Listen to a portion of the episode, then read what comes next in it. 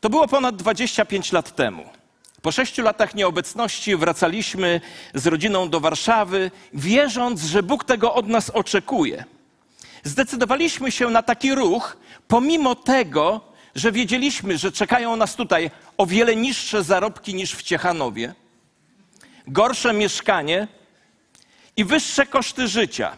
Ale to nie miało dla nas znaczenia, bowiem mieliśmy poczucie, że Bóg jest w tym, a to dawało nam głęboki pokój. I gdy tylko zdążyliśmy się przeprowadzić, kłopoty zaczęły pojawiać się dzień po dniu.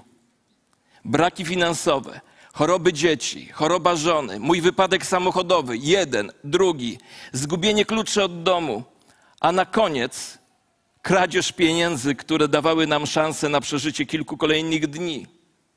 Wówczas padło to znane pytanie: dlaczego Bóg pozwolił, aby coś takiego nam się przydarzyło? Modliliśmy się, a Bóg zdawał się nie odpowiadać, a niebo nad nami raczej miało kolor brunatny. Pamiętam rozmowę z wierzącą kobietą, której pierwszy mąż był przemocowym tyranem, sadystą, uważającym się za wierzącego, oddanego Chrystusowi i działającego aktywnie w kościele chrześcijanina. Po latach cierpienia, modlitwy, zmagań, prób ratunku podjęła decyzję, aby odejść i rozwieść się. A później modliła się o to, żeby móc, mogła poznać mężczyznę, który by ją pokochał i przy którym mogłaby wrócić do spokoju. Tak też się stało. A później przyszło pragnienie urodzenia dziecka. Niestety nie mogła zajść w ciążę. Modliła się o to gorąco, ale nie było oczekiwanej odpowiedzi. I wówczas pojawiło się kolejne pytanie: Pastorze, dlaczego Bóg nie odpowiada na moje modlitwy? Czy każe mnie za to, że się rozwiodłam? Wiecie, wielu dobrych, pobożnych ludzi skrycie wątpi w to, że Bóg odpowiada na modlitwę. Pamiętam młodego mężczyznę, ojca kilkorga, kilkorga dzieci. Zapadł na chorobę. Modliliśmy się całym kościołem, namaszczaliśmy go olejem. Kilka dni później zmarł. A nasze modlitwy zdawały się nie robić żadnej różnicy. Gdzie jest Bóg, gdy go potrzebujemy? Ze wszystkich rzeczy, które nas obciążają, chyba żaden ciężar nie jest większy niż milczenie Pana Boga.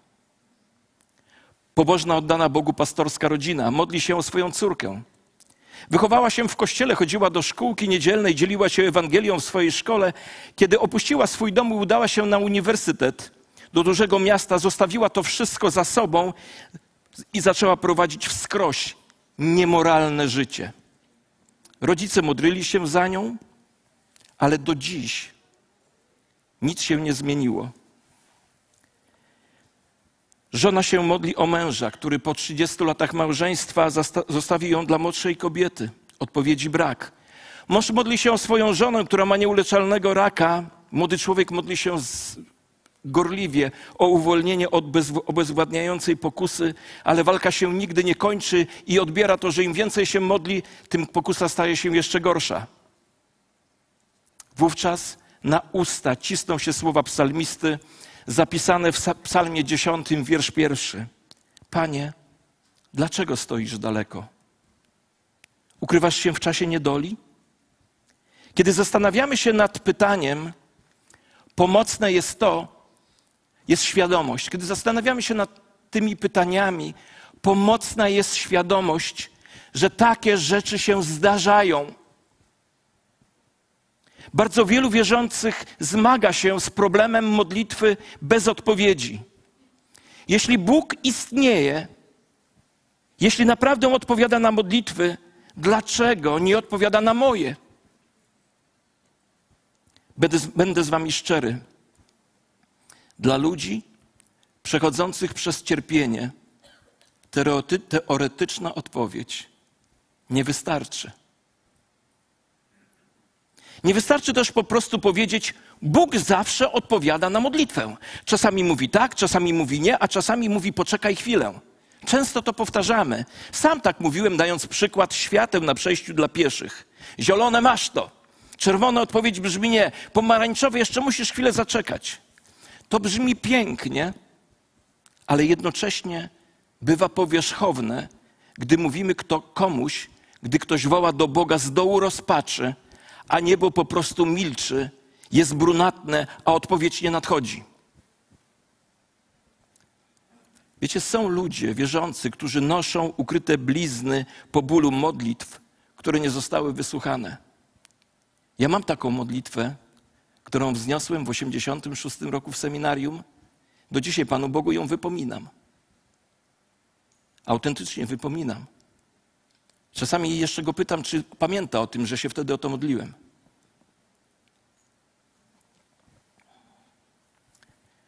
Wielu ludzi nosi blizny niewysłuchanych modlitw. Pamiętają czasy, kiedy się modlili, modlili się gorliwie, wypowiadali wszystkie właściwe słowa z właściwej motywacji. Prosili nawet przyjaciół, aby przyłączyli się do nich w modlitwie, głęboko wierząc, że to tylko Bóg może im pomóc i nic. Wiecie, tak już jest, że my o tym w kościele, o tym problemie nie mówimy zbyt często. A ja postanowiłem to zmienić. Zacząłem to robić jeszcze przed wakacjami. W wakacje myślałem dużo o tym. Ale mimo wszystko nie, nie, mówimy o tym zbyt wiele, ponieważ boimy się, że jeśli przyznamy się do tego, że nasze modlitwy nie zawsze są wysłuchiwane, spowoduje to, że niektórzy ludzie stracą wiarę. Bo tak się stało w niektórych przypadkach. Ludzie stracili wiarę.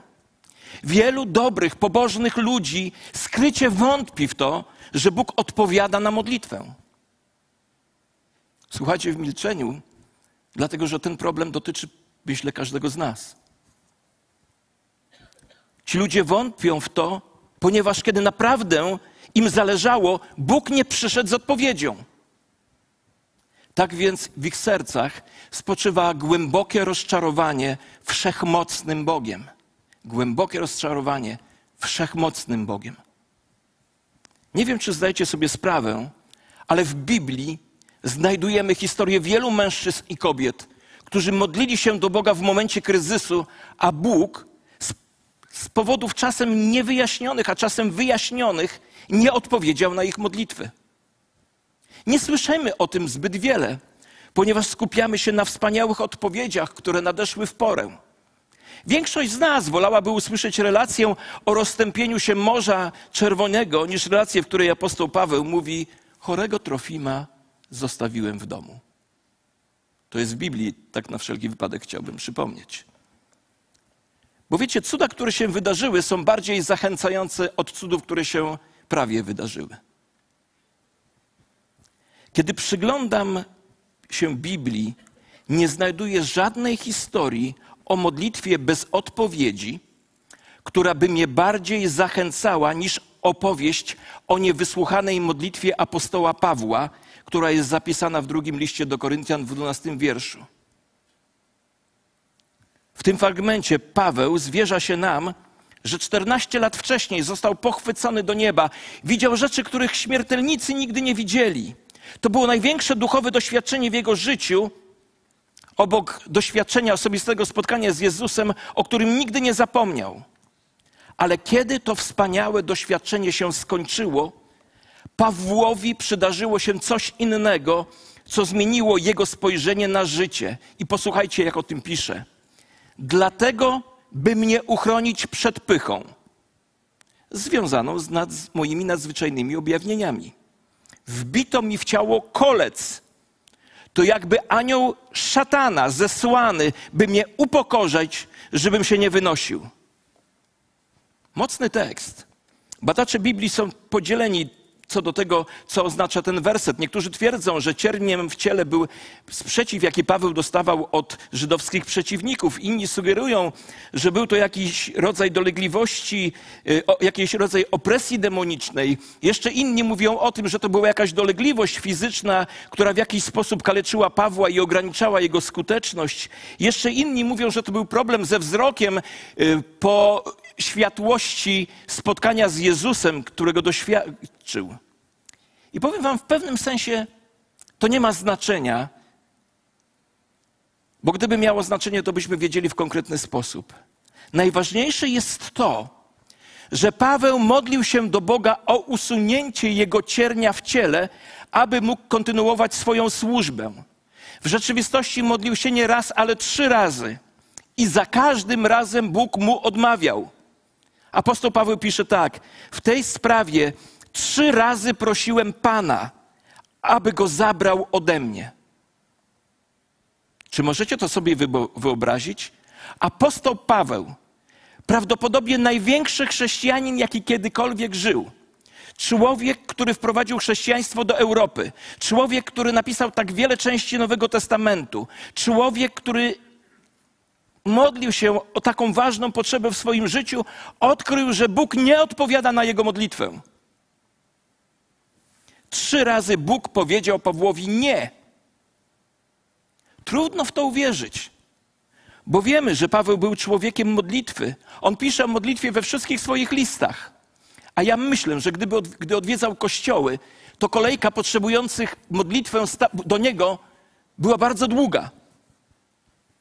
Ale mamy tu wyraźny przypadek, podany jego własnymi słowami, takiego czasu w jego życiu, kiedy desperacko błagał Boga raz po raz, by wszechmogący, celowo używam tego stwierdzenia, wszechmogący, odpowiedział na jego bardzo konkretną prośbę modlitewną, bardzo konkretną potrzebę, ale Bóg odmówił.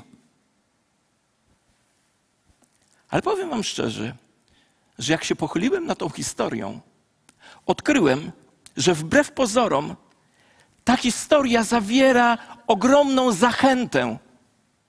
Ogromną zachętę oraz kilka ważnych zasad. Posłuchajcie trójki, trzech rzeczy. Po pierwsze, modlitwa bez odpowiedzi zdarza się czasem najlepszym chrześcijanom. Po drugie, z ludzkiego punktu widzenia modlitwa bez odpowiedzi jest niewytłumaczalna. I po trzecie, Bóg ma na myśli wyższy cel, gdy nasze modlitwy pozostawia bez odpowiedzi. Trzy rzeczy, które do mnie dotarły. W przypadku Pawła, kiedy on nie przestawał się modlić, w końcu Bóg dał mu wyjaśnienie. Pawle, wystarczy ci moja łaska. Panie, mam słaby wzrok, wystarczy ci moja łaska. Panie, demony, wystarczy mi ci moja łaska. Czasami nasze modlitwy nie zostają wysłuchane, ponieważ Bóg może zrobić więcej przez nas i w nas, nie odpowiadając na nasze modlitwy, niż nasz, na nie odpowiadając. Czasami Boże nie jest lepsze niż Jego tak. Pomyślmy o tym w ten sposób. Co by się stało, gdyby Bóg odpowiadał na wszystkie Twoje modlitwy przez cały czas w dokładny w taki sposób, jak się o to modliłeś? Czy już macie takie modlitwy, o których wiecie, że dobrze, że Bóg ich nie wysłuchał? Czy jakby Bóg na wszystkie Twoje modlitwy zawsze odpowiadał tak, jak chcesz, to czy by to spowodowało duchową dojrzałość w Twoim życiu? Myślę, że nie. Posłuchajcie tego stwierdzenia bardzo uważnie. Gdyby Bóg zawsze odpowiadał na Twoje modlitwy, to w końcu Twoje zaufanie pokładałbyś w odpowiedziach na modlitwę, a nie w samym Bogu. Wiem, że to jest cienka granica, ale sam ją doświadczyłem. Sam jej doświadczyłem, wiem o czym mówię. Ale kiedy Bóg mówi nie, to my musimy zdecydować, czy nadal będziemy ufać tylko Jemu, bez możliwości opierania się na odpowiedziach na modlitwę takich, jak oczekujemy. Rozumiecie? Kiedy Bóg mówi nie, to my musimy zdecydować, czy nadal będziemy ufać tylko Jemu, bez możliwości oparcia się na odpowiedziach na modlitwę takie, jak sobie życzymy. Nie zrozumcie mnie źle. Odpowiedź na modlitwę jest wspaniała i gdyby żadna z naszych modlitw nie została wysłuchana, prawdopodobnie przestalibyśmy się modlić. Ale gdyby wszystkie nasze modlitwy zostały wysłuchane, W końcu zaczęlibyśmy brać Boga za pewnik. Modlitwa bez odpowiedzi zmusza nas do ufania tylko Bogu. A kiedy to robimy, to tylko On otrzymuje chwałę, ponieważ to właśnie wtedy Jego siła staje się doskonała w naszych słabościach. Z tym większą przyjemnością, powiedział apostoł Paweł, będę szczycił się ze słabości. Tak chcę, by dzięki temu zamieszkała we mnie moc Chrystusa. Wiem, że to wbrew zasadom biologii, ale powiem Wam, mam wrażenie, że najlepiej wzrastamy w ciemności. Że najlepiej wzrastamy w trudnych dniach. Bo modlitwa bez odpowiedzi zmusza nas do zaufania tylko Bogu. Prawda jest taka, że to trudne doświadczenia uczą nas, o co tak naprawdę wchodzi w życiu. I to właśnie mówił apostoł Paweł. I jest to świadectwo chrześcijan na przestrzeni wieków. Najlepiej wzrastamy w ciemności pośród bólu, smutku i rozpaczy. Uczymy się wielu rzeczy w świetle słońca, ale to jest paradoks, że najbardziej wzrastamy w ciemności. Czasami lepiej jest dla nas, jeśli nasze modlitwy nie zostaną wysłuchane w ogóle.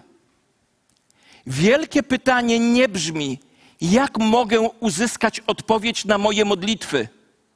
Największe pytanie brzmi, co będzie potrzebne, abym mógł zbliżyć się do Boga. Jeszcze raz to powtórzę.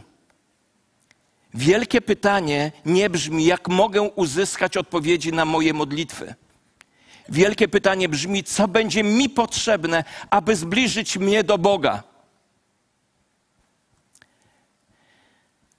Lata temu przeczytałem słowa, które są wywieszone w takim Instytucie Rehabilitacji w Nowym Jorku, a są przypisane żołnierzowi z czasów wojny secesyjnej. Posłuchajcie tej, tej, tego tekstu. Ktokolwiek jest autorem, tekst jest niezwykle ciekawy. Prosiłem Boga o danie mi mocy w osiąganiu powodzenia. Uczynił mnie słabym, abym się nauczył pokornego posłuszeństwa. Prosiłem o zdrowie dla dokonania wielkich czynów. Dał mi kalectwo, abym robił lepsze rzeczy. Prosiłem Boga o bogactwo, abym mógł być szczęśliwy. Dał mi ubóstwo, abym był rozumny. Prosiłem o władzę, żeby ludzie mnie cenili. Dał mi niemoc, abym odczuwał potrzebę Boga. Prosiłem o towarzysza, abym nie żył samotnie. Dał mi serce, abym mógł kochać wszystkich braci. Prosiłem o radość, a otrzymałem życie, abym mógł cieszyć się wszystkim. Niczego nie otrzymałem, o co prosiłem, a dostałem wszystkiego, czego się spodziewałem. Prawie na przekór sobie Moje modlitwy niesformułowane zostały wysłuchane. Jestem spośród ludzi najhojniej ze wszystkich obdarowany. I to prowadzi mnie do konkluzji. Czasami nasze modlitwy pozostaną bez odpowiedzi. Jeśli nie przyznasz się do tego faktu i nie poradzisz sobie z nim jako chrześcijanin, prawdopodobnie całkowicie zrezygnujesz z modlitwy. A co gorsza, Czasami nasze modlitwy z prawych pobudek i z czystego serca wydają się nam nic nie osiągać. To tak jakby niebo zamilkło. Prawda jest taka, że Bóg wysłuchuje każdej modlitwy, nawet tej, na którą nie chce odpowiedzieć. Żadna modlitwa nie jest całkowicie zmarnowana, ponieważ nawet modlitwa bez odpowiedzi może być wykorzystana przez Boga, aby nas zbliżyć do Niego. I w takim przypadku możemy powiedzieć, że lepiej było, aby nasze modlitwy pozostały bez odpowiedzi, abyśmy mogli zbliżyć się do Boga. Ja wiem, że ja mówię dzisiaj na przekór różnego rodzaju teologiom, pod którą wielu ludzi w chrześcijaństwie jest. Mam z tego świadomość.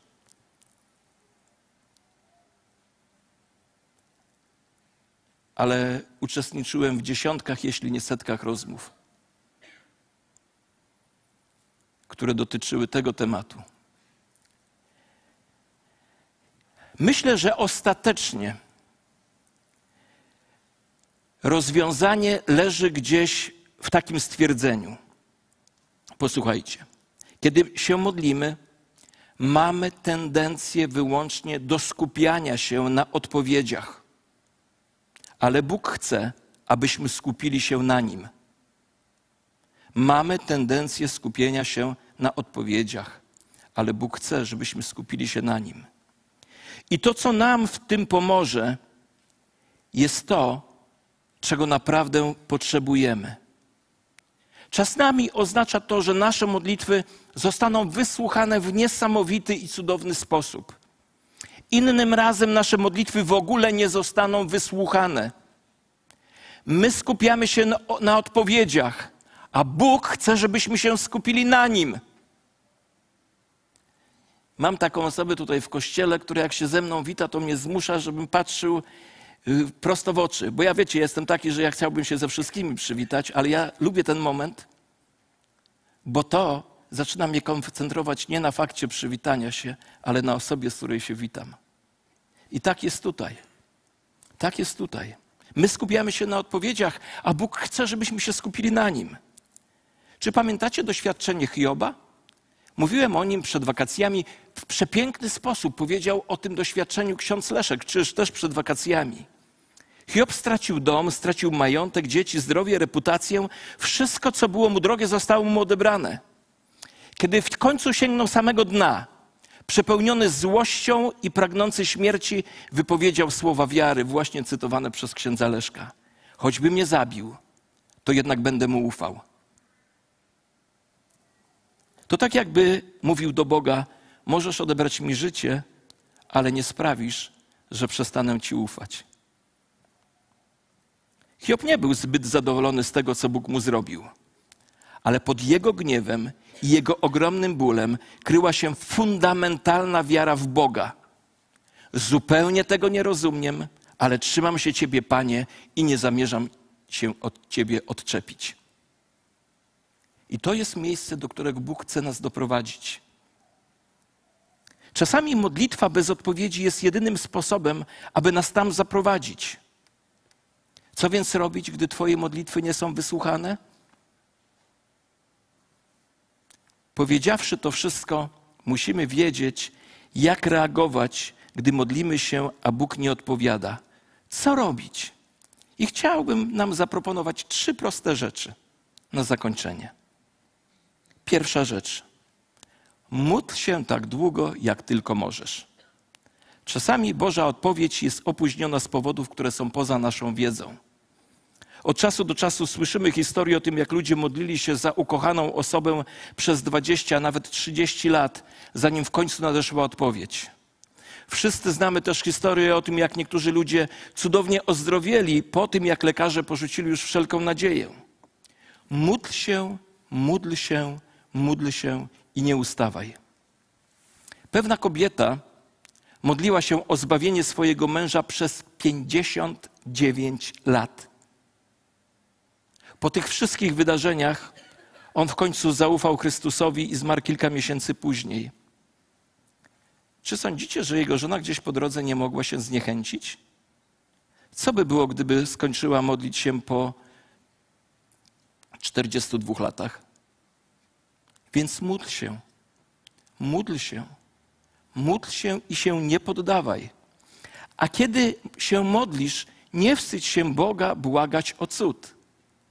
Przypomina mi się taka historia, jak kobieta zadzwoniła do jednego z pastorów i mówi, pastorze, zmarł mój mąż, chciałabym, żebyś się przyszedł i pomodlił o wskrzeszenie. Ja powiem wam, takich modlitw nie, nie odmawiam, to znaczy idę się modlić. I ten pastor zadał tej kobiecie pytanie, mówi, a kiedy zmarł mąż? Ona mu powiedziała trzy lata temu. Módl się i nie ustawaj. Druga rzecz bardzo ważna. Daj Bogu prawo do powiedzenia nie. Daj Bogu prawo do powiedzenia nie. Jeśli nigdy nie uznasz, że Bóg ma prawo powiedzieć Tobie nie, będziesz wypełniony gniewem, frustracją i rozpaczą. Walka z Bożym prawem do odmawiania ci odpowiedzi, jakiej oczekujesz, jest tak naprawdę, walką z samym Bogiem. A takiej walki nigdy nikt z nas nie wygra. O ileż mądrzej jest powiedzieć, Panie, modlę się tą modlitwą z głębi serca, ale nawet w trakcie modlitwy wyznaję, że masz prawo powiedzieć na nią nie, jeśli jest to lepsze, jeśli uważasz, że to jest najlepsze. Wiem, to przeczy części teologii w chrześcijaństwie, to co teraz powiedziałem. Ale gdy tak podejdziesz do tego, ja czasami słyszę, że to jest wypowiedź niewiary.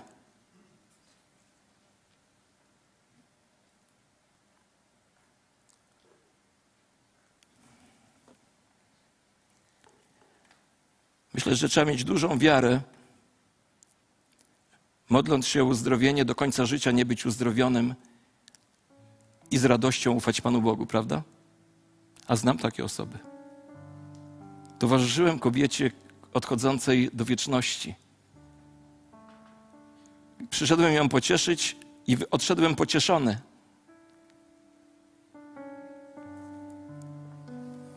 Będziesz dobrze spał, spała w nocy, gdy nauczysz się tak modlić. Gdy nauczysz się modlić, dając Bogu prawo do powiedzenia nie. Po prostu pozwól Bogu być Bogiem w Twoim życiu. I najlepszy przykład, jaki znam, to modlitwa Pana Jezusa w ogrodzie Getsemane. Kiedy w pocie czoła, oblewając, kiedy oblewały go wielkie krople krwi, powiedział: Mój ojcze, jeśli to możliwe, niech nie ominie ten kielich. Jednak niech się stanie nie jak ja chcę, ale jak ty. Wiecie, to jest piękna modlitwa, ona zawiera trzy elementy. Panie, wiem, że ty wszystko możesz. Jesteś wszechmocny. Proszę ciebie o to i o to i o to. Ale jestem gotów przyjąć twoją odpowiedź, jaką ty mi dasz. I nie musi być ona taką, jaką chcę. Koniec. Jeśli Jezus potrzebował modlić się w ten sposób, to o ileż bardziej my potrzebujemy. Pozwól Bogu być Bogiem w Twoim życiu. Daj mu prawo do powiedzenia nie. I trzecie, i powiem Wam, to jest coś, nad czym dużo myślałem. I zawarłem to w zdaniu: gdy Bóg milczy, gdy niebo wydaje się być pokryte ciemnymi chmurami, rób dalej to, co wiesz, że jest słuszne. Rób dalej to, co wiesz z Bożego Słowa, że jest słuszne. Bo wiecie, odkryłem ze swojego własnego życia, że w ciemności modlitwy bez odpowiedzi można mieć pokusę, żeby zrezygnować z Boga, a jeśli nawet z Boga nie zrezygnować, to poluzować sobie, jeśli chodzi o wartości i o właściwe życie i o właściwy Boży kurs. I zadałem sobie pytanie, ale co dobrego z tego wyniknie, jeśli zboczę z prawidłowego kursu? Jeśli odwrócę się do, od Boga, to dokąd ja pójdę? Nadal się módl, nadal wierz, nadal czytaj Biblię, nadal bądź posłuszny, nadal naśladuj Pana Jezusa bo posłuchaj tego właśnie, to do mnie dotarło w tym roku. Jeśli pozostaniesz na kursie w ciemności, to chcę Ci powiedzieć, że w końcu światło zabłyśnie ponownie i będziesz zadowolony, że nie odwróciłeś się w chwili rozczarowania. Słyszysz? Zachowaj wiarę. Trzymaj się Bo Bożego Słowa. Trzymaj się standardów, jakie Bóg wyznaczył. Nie luzuj. Nie zbaczaj z kursu, bo jeśli nie zboczysz z kursu, to w końcu zobaczysz światło.